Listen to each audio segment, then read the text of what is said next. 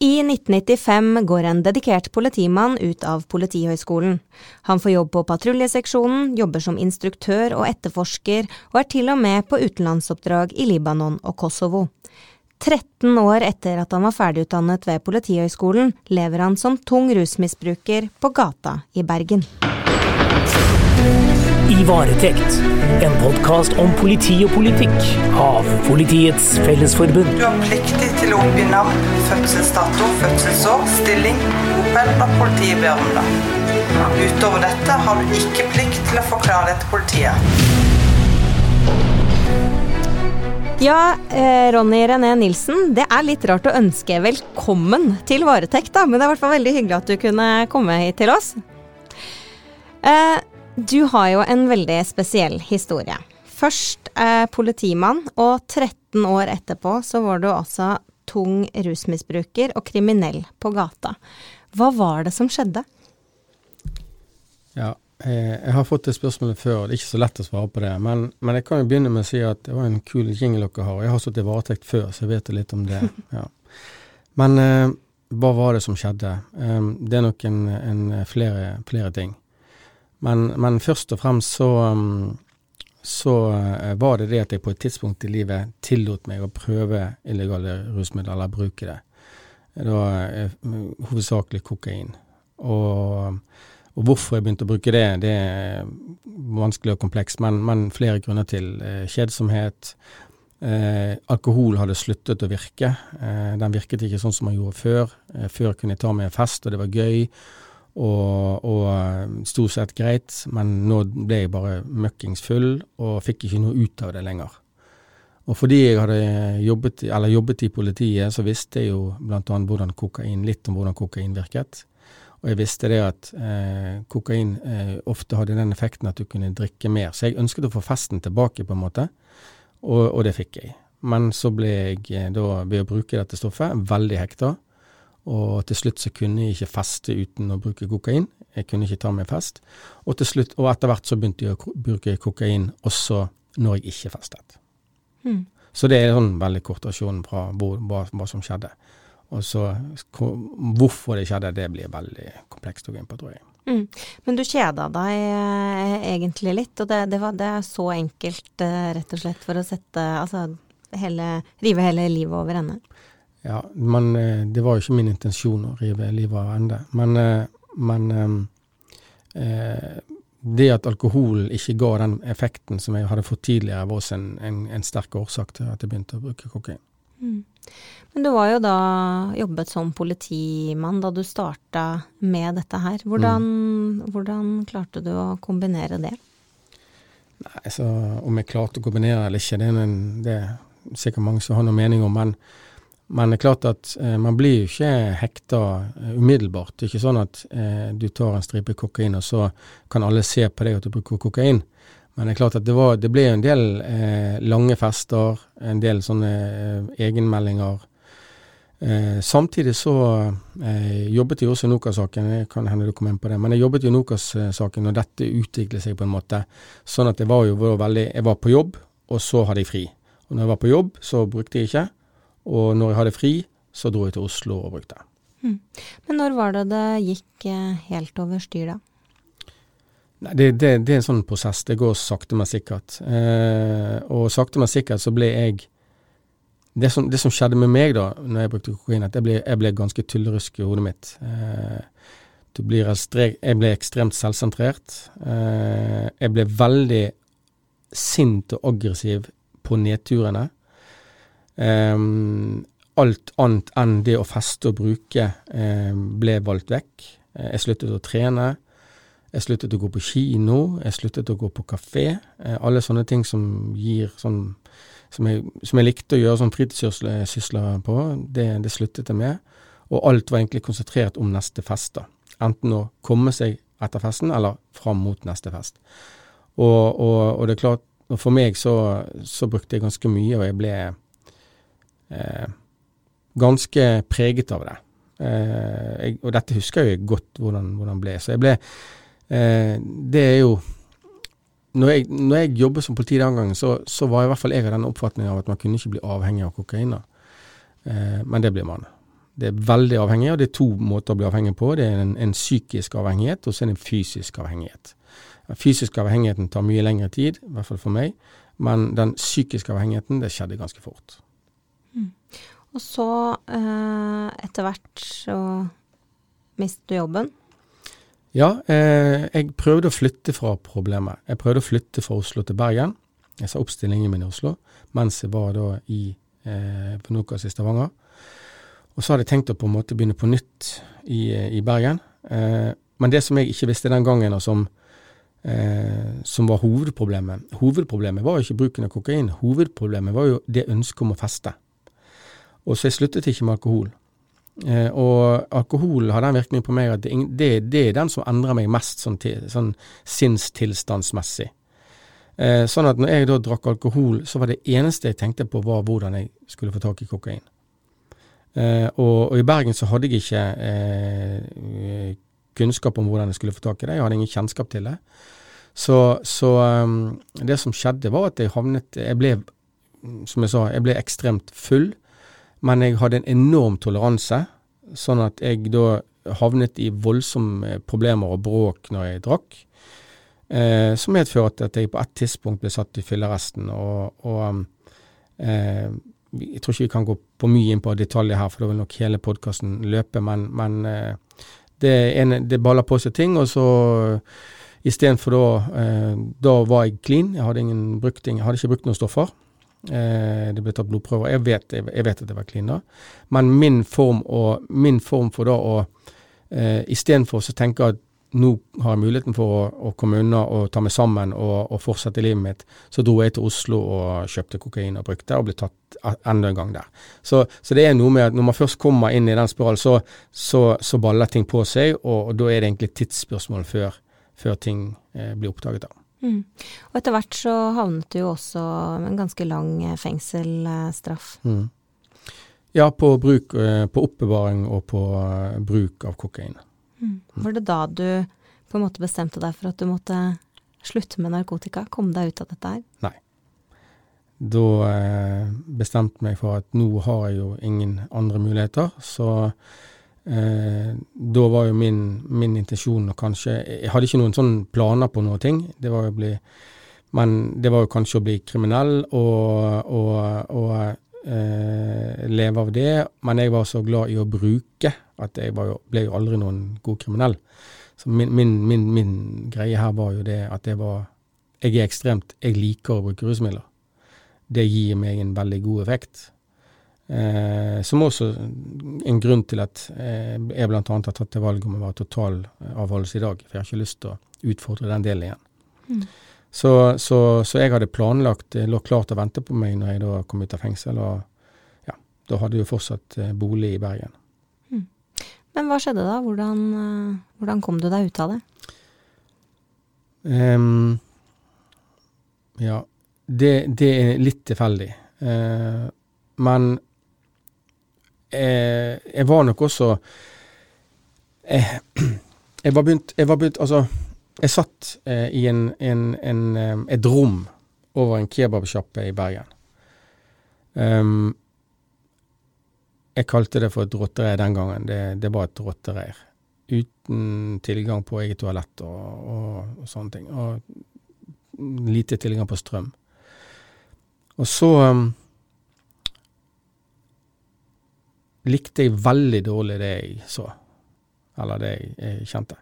Så det var kanskje en starten på en, en, en, begynnelse på en prosess. Men hovedårsaken, det er en utløsende årsak. Jeg kaller det for et vendepunkt.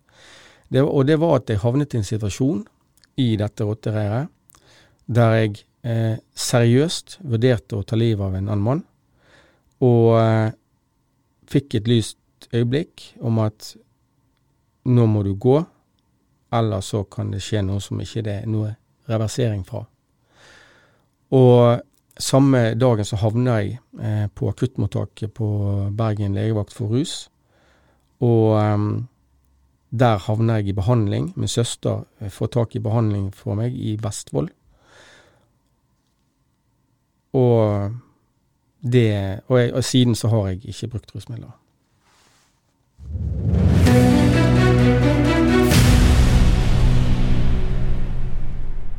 Du har jo etter dette tatt en master i helsevitenskap med spesialisering i rus, og har jobba mange år innenfor rusfeltet.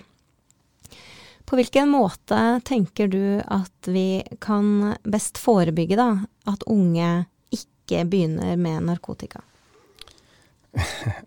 hadde jeg hatt svar på det, så, så hadde jeg sikkert blitt en rik mann. Men det er ingen enkle svar på hvordan man skal forebygge for unge. Men det jeg senser at du spør litt om, er, eller det jeg kan si noe om, er jo at hva er det vi ikke bør gjøre? Og det kan jeg si noe om. Og, og jeg jo, og har jo jobbet lenge for det. Eh, det er jo ingen hemmelighet at jeg har vært veldig aktiv i denne avkriminaliseringsdebatten som har vært, og jeg har jobbet ganske, eh, ganske hardt for å få til en, en avkriminalisering. Um, fordi at jeg mener at eh, det er dårlig forebygging å straffe unge. Eh, og eh, de som jeg er opptatt av, de som, de, som, de som, faller utenfor, de som politiet eventuelt ikke får tak i og, og kan tilby ruskontrakter eller lignende, kan godt hende du kommer inn på det også, det er de jeg ønsker å få tak i. Og de vil uansett ikke bry seg om disse ruskontraktene. De vil uansett ikke rette seg etter den type pålegg. Så de må vi ha en annen tilnærming på. Og, og eh, den tilnærmingen begynner med at de tør å være ærlige med oss. Mm. Så så lenge det er kriminelt å bruke eh, narkotika, så tenker du at mange vil holde det hemmelig, ikke snakke om at de, de gjør det? Ja, absolutt. Eh, det er ikke noe jeg bare tror, det er også noe vi kan si med sikkerhet. Mm. Eh, sånn at eh, et første steg i dette er at folk skal tørre eh, å komme til eh, både foreldre, Eh, gjerne politiet eller andre, å kunne fortelle om dette. Og, og, og, og, det er første steg på å kunne gjøre noe med det også. Fordi at grunnen til at eh, mange bruker, begynner å bruke rusmidler, unge, er veldig forskjellig. Det kan være eh, et ønske om spenning, det kan være et ønske om å være kul, det kan være fordi at alle de andre gjør det, osv., osv., osv. Men det forebygger man ikke ved straff. Mm. Men hvor viktig tenker du at eh, politiets tilstedeværelse er, da? Det at man har et lokalt politi som kjenner miljøene, både de som da er ja, eksperimentelt brukere, eh, rekreasjonsbrukere, og de som er mer tungt avhengige, da? Jeg håper jo, eh, og ønsker, eller jeg, jeg, ønsker ikke noe, men jeg håper jo at politiet fortsatt vil ha en aktiv rolle i dette, og kan jo være en ekstremt viktig faktor i den nye rusreformen som da eh, er på vei, og som eh, mest sannsynligvis blir vedtatt i en eller annen form i alle fall. Det vet man selvfølgelig ikke, men, men det kan tilsi det nå. Det var flertall per nå på Stortinget for det. Eh, det er jo at uh, politiet fortsatt uh, altså Politiet vil jo fortsatt være første, uh, ofte førstemann på åstedet. De, de som først kommer i kontakt med dette, fordi de er jo ute og har en oppsøkende virksomhet. så jeg håper jo at politiet fortsatt skal gjøre det. Det som, det som, blir endret, er jo at politiet ikke lenger vil ha lov til å ransake og pågripe pga. bruk og besittelse. Det er det som da ønskes endret. Sånn at eh, man kan ikke da på samme måten kanskje initiere saker der man tidligere gjorde det. Eh, og Det blir jo da mer en, en veilederrolle eller en, eh, eh en, en sluserolle, eller en noen som kan henvise til f.eks. noe annet. da. Mm. Men hvis uh, vi snakker om dette med å forhindre da, at unge begynner med, med narkotika, som, med dine erfaringer, da, uh, hva mm. slags mm. råd vil du da gi til disse unge som, uh, som syns at det høres fryktelig spennende ut? Nei, altså, altså min med, Det er jo som jeg sa, jeg er jo jeg er totalavholdsmann. Og jeg ønsker på generelt grunnlag at folk skal bruke så lite rusmidler som mulig. Men det er jo min mening jeg ønsker ikke å tre dette nedover noen og skal gjøre dette ved hjelp av vedtak eller lover eller andre ting. Dette må, dette må reguleres på en, på, en, eh, på en, annen måte. Men eh, i forhold til unge, så Altså, det som, det, som, det som, vi burde fokusert mer på, da, syns jeg, det er hvor ekstremt skadelig det er for unge å bruke rusmidler. Og spesielt kanskje de rusmidlene som er minst skadelige for voksne, er ekstremt skadelige for unge mm. som f.eks. cannabis, som er veldig skadelig for en utviklet hjerne, men ikke kanskje så skadelig for en voksen hjerne. Det er ting man burde heller vært nøyere på og informert om, opplyst om. Jeg tror det at med god nok opplysning, eh, og der, her må vi ta i bruk skoler også, så vil eh, veldig mange eh, ikke ønske om å bruke rusmidler. Det er ikke sånn at selv om alkohol er lovlig, så drikker alle ungdommer eh, pluss minus 16 år seg snydens full hver helg. Det er bare noen få som gjør det. Ja. I varetekt. Du har rett til å få en ren madrass og tepper hvis du må tilbringe natten i politiarresten.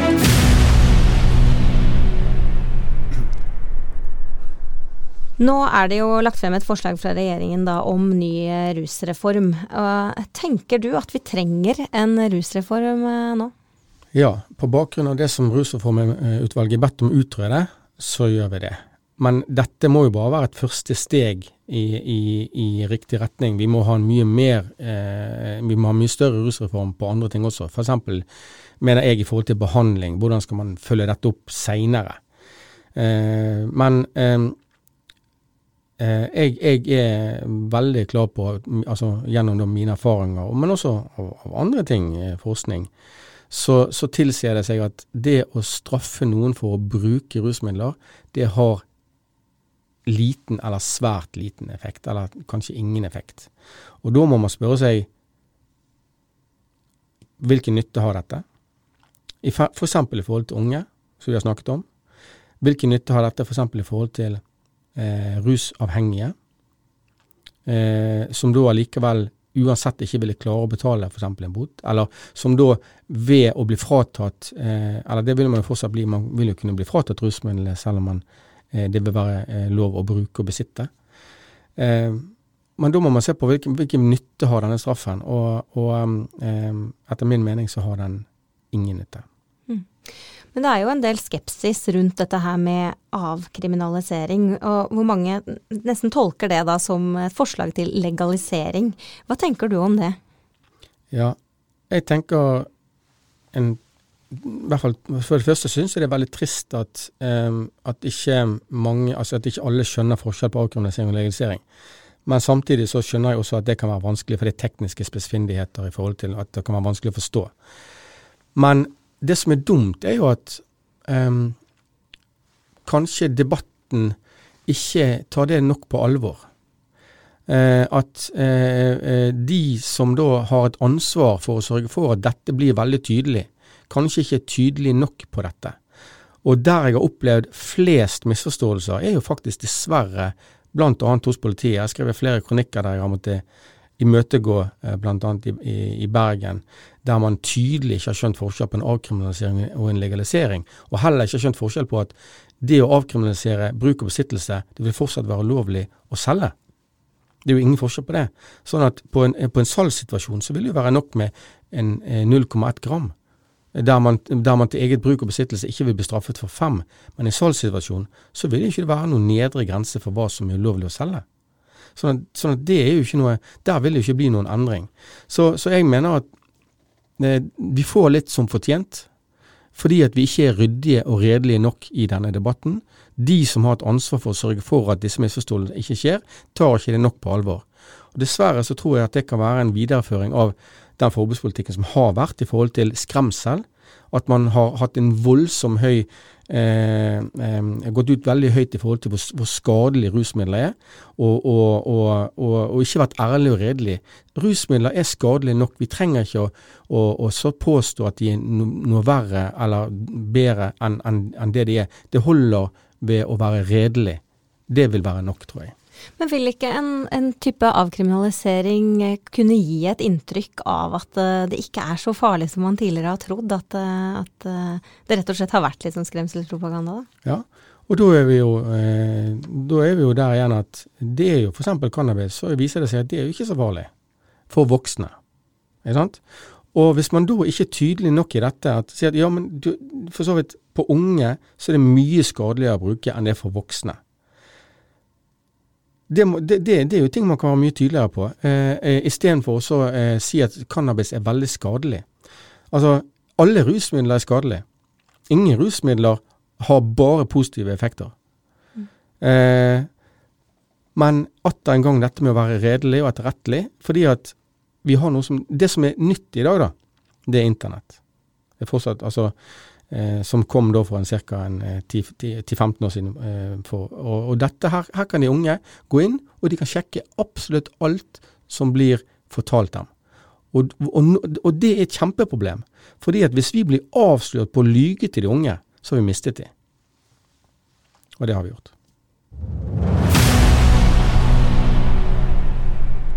Men tenker du at det bør være et skille da, mellom hvilke reaksjoner man gir de som er ja, rekreasjonsbrukere, som bare tester litt, og de som er uh, tungt eh, avhengig av narkotika? Mm.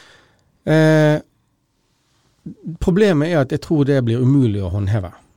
Eh, eh, hvem skal avgjøre da hvem, hvem, hvem, er det som skal avgjøre hvem som er avhengig og ikke avhengig? Hvordan ser man det? Kan man se det? Og da, på bakgrunn av min erfaring både som politimann og som rusavhengig sjøl, og, og levd i dette miljøet, så kan jeg si at det kan du ikke. Og da vil det være rom for spekulasjoner igjen. Eh, hvordan skal man notere disse reglene? Vil det bli spekulert i det? Eh, eh, så, så, det som jeg har sett vært foreslått, er at det som kan, og det syns jeg var god, et godt forslag, det er f.eks. å regulere eh, hvor mye har man lov til å ha på seg til eget bruk i forskjellige områder. Altså Én ting er hva man har hjemme, en annen ting er f.eks. hva har man på seg på en skole. Der kan man kanskje differensiere. At man kanskje må finne andre lure løsninger som, da, eh, som, kan, som er lettere å håndtere, basert på, eh, på, et faktagrunnlag enn synsing om hvem som er avhengig eller ikke. Mm. Men er det også sånn at de som er tungt avhengig, eh, da blir det jo, har det jo tippet over mot en sykdom. De klarer seg jo ikke, kommer seg ikke opp om morgenen eh, og fungerer gjennom dagen mm. uten narkotika. Eh, er det da for mange også litt sånn ekstra utfordrende da, med det stigmaet man kanskje føler eh, ved at man også eh, blir sett på som en kriminell? Ja, Det ene er jo det stigmaet man sjøl påfører seg fordi at eh, eh, man opplever at samfunnet gjør det. Men det andre er også det, det, de konsekvensene det har for et samfunn å se på dette med stigmatiserende øyne. Fordi at i hvilken, i hvilken, eh, hvilken altså Det vil begrense våre muligheter til å gå inn og hjelpe. Det vil begrense våre muligheter eh, eh til å, og, til å kunne iverksette gode tiltak mot de som trenger det, når vi har all denne, når vi ser på det på den måten vi gjør det. Så Derfor tror jeg at vi trenger en, en, normal, en normalisering av dette. Eh, ikke det at det er greit å bruke rusmidler, det, eh, det er ikke det jeg sier, men at, men at det ved å avstigmatisere og normalisere det, vil gi oss andre muligheter for å kunne komme til å hjelpe de som trenger det. Og, og det er jo det som Dan sier, de, de som har, altså i Portugal da, som, som, Norge da har sett mye mot i forhold til rusreformen. Der sier de at den største enkeltgevinsten de har fått, det er at det har blitt avstigmatisert. Den, avstigmat eh, den effekten avstigmatisering har på samfunnet.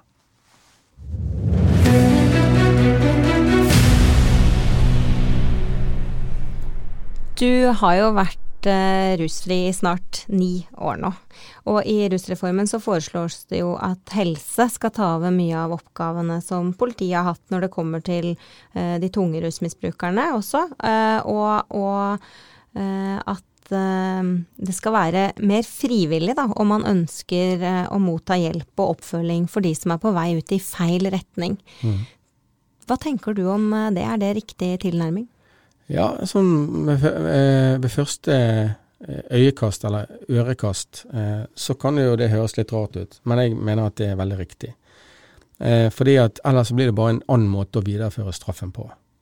Og hvis man virkelig ønsker en rusreform der man, ser, der man fjerner dette stigmaet med straff og begynner å endre dette sånn samfunnsmessig, så kan ikke man videreføre straff på bare på andre måter.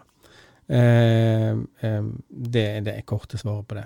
Mm. Men eh, vil det ikke være eh, på noe vis negativt at man mister den kontrollen man kanskje har i dag, da, med dette med, med ruskontrakter, med, med uh, urinprøver uh, og sånn som skal hjelpe de unge å få de på rett kjøl. Uh, evner ungdommene f.eks. å ta dette ansvaret på egen hånd?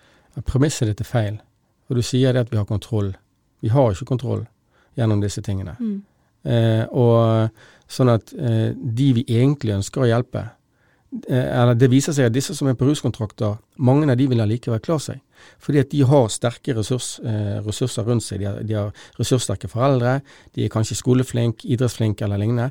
De vil allikevel klare seg. Det er de som ofte går med på det å, å gjennomføre en ruskontrakt, for de har mye å miste.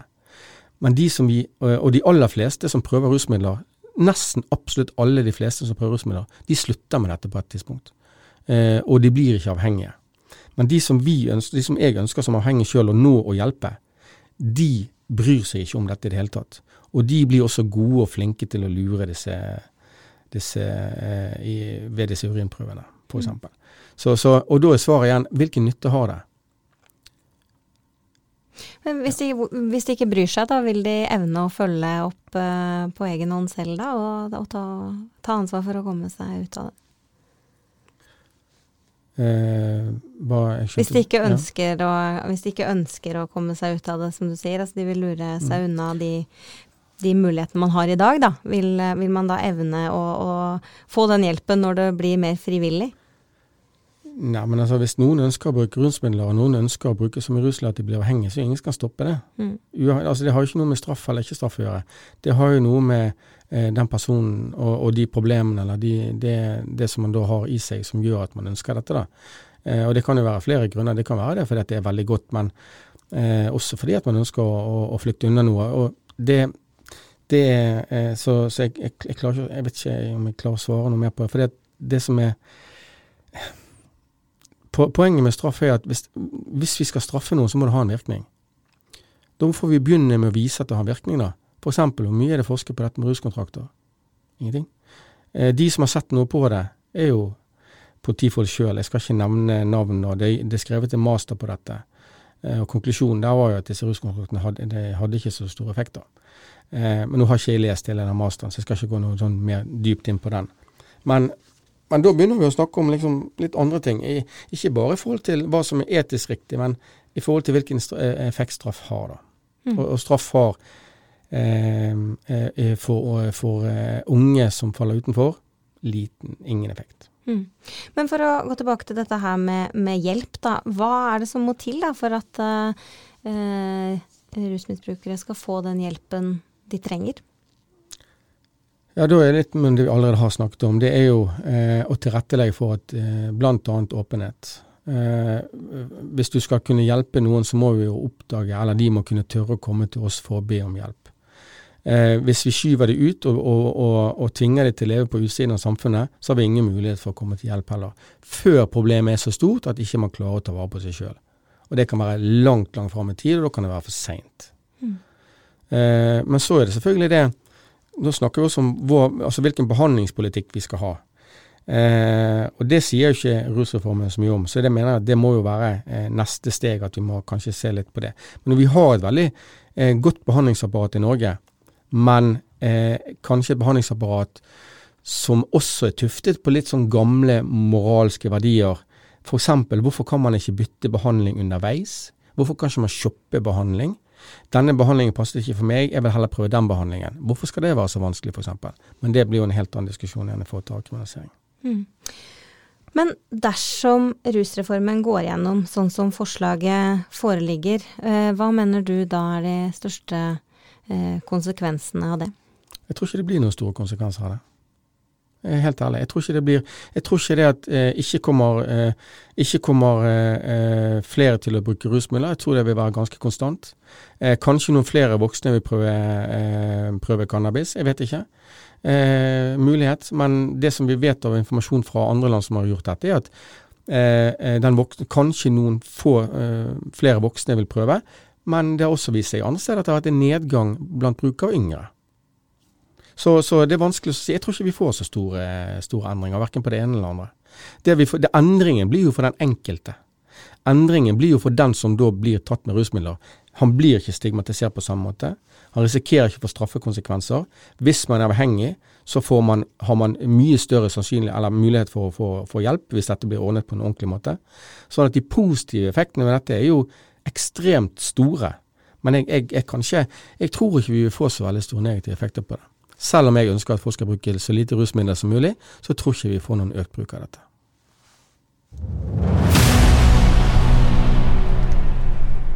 Det har vært uh, veldig spennende å få høre din historie, og, og, også snakke om hvordan den nye rusreformen kan uh, bidra til at kanskje færre havner uh, der som du havnet. Og tusen, tusen takk for at du, du kom til oss. Mm. Jo, takk. Eh, det, jeg ønsker jo at færrest mulig skal måtte gå den veien jeg har gått, men, og det er ikke sikkert alle er like heldige som meg heller, som, som kan komme der jeg er nå. I varetekt, en podkast om politi og politikk av Politiets Fellesforbund.